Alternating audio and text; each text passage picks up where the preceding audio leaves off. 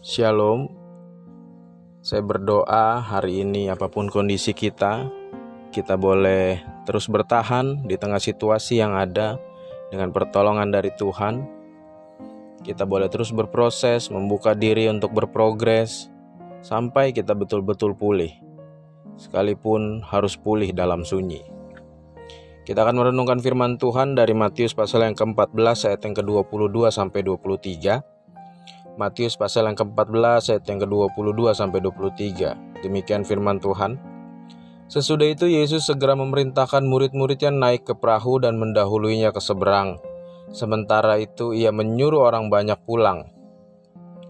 Dan setelah orang banyak itu disuruhnya pulang, Yesus naik ke atas bukit untuk berdoa seorang diri. Ketika hari sudah malam, ia sendirian di situ.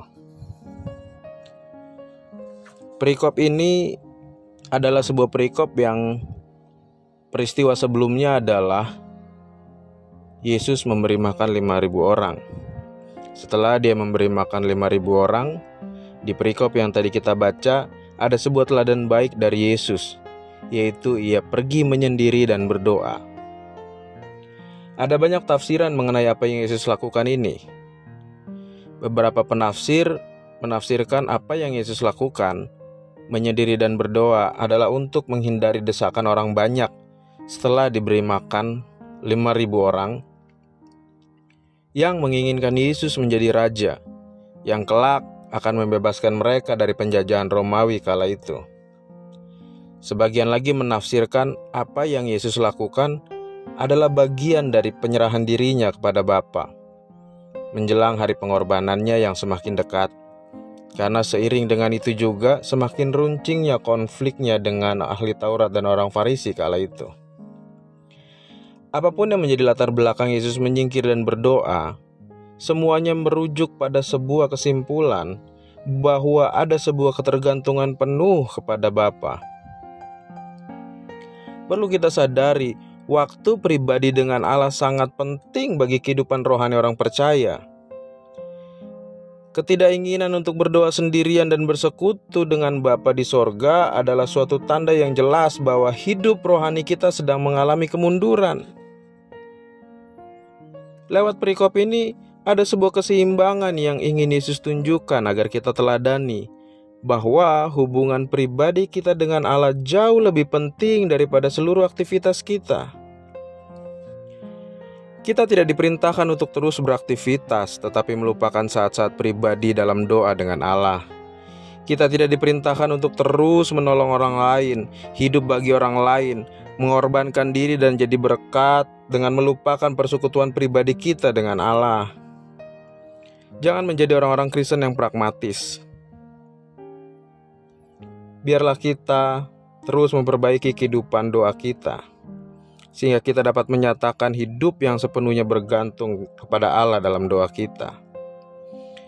Kepergantungan Yesus kepada Bapaknya bukan menunjukkan kelemahan, tapi justru dari mana sumber kekuatannya berasal.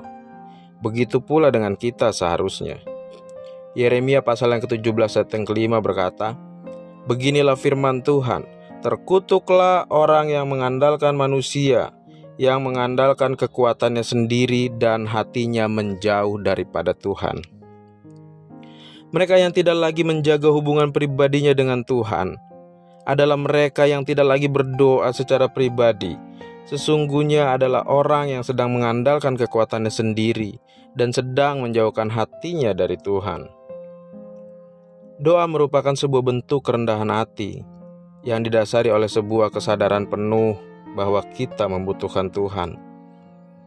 Sedangkan sebaliknya, kesombongan berasal dari rasa mampu hidup tanpa Tuhan. Di tengah kesibukannya melayani, selalu ada waktu-waktu di mana Yesus menyendiri. Selalu ada waktu di mana ia mengambil waktu untuk pribadi bicara intim dengan Bapa. Bahkan tidak hanya berdoa untuk dirinya sendiri tapi juga berdoa untuk orang lain bagaimana kondisi pribadi kita, bagaimana kondisi hubungan pribadi kita dengan Allah hari ini. Baik-baik saja, Atau kita sedang sibuk dengan ritual-ritual agamawi kita, pelayanan-pelayanan kita, dan kita melupakan yang paling esensi dari kekristenan itu sendiri, yaitu hubungan kita dengan Bapa. Atau kita sedang jadi orang-orang Kristen yang egois, yang rajin berdoa tapi hanya sibuk meminta untuk diri kita sendiri. Saya akan menutup renungan kita hari ini dengan sebuah kutipan dari David Hubert.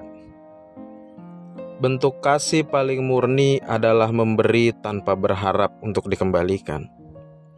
Jika diukur dengan standar ini, maka doa yang sungguh-sungguh untuk orang lain adalah sebuah tindakan kasih yang luar biasa. Selamat berdoa, selamat menjadi pulih dalam sunyi. Tuhan beserta kita.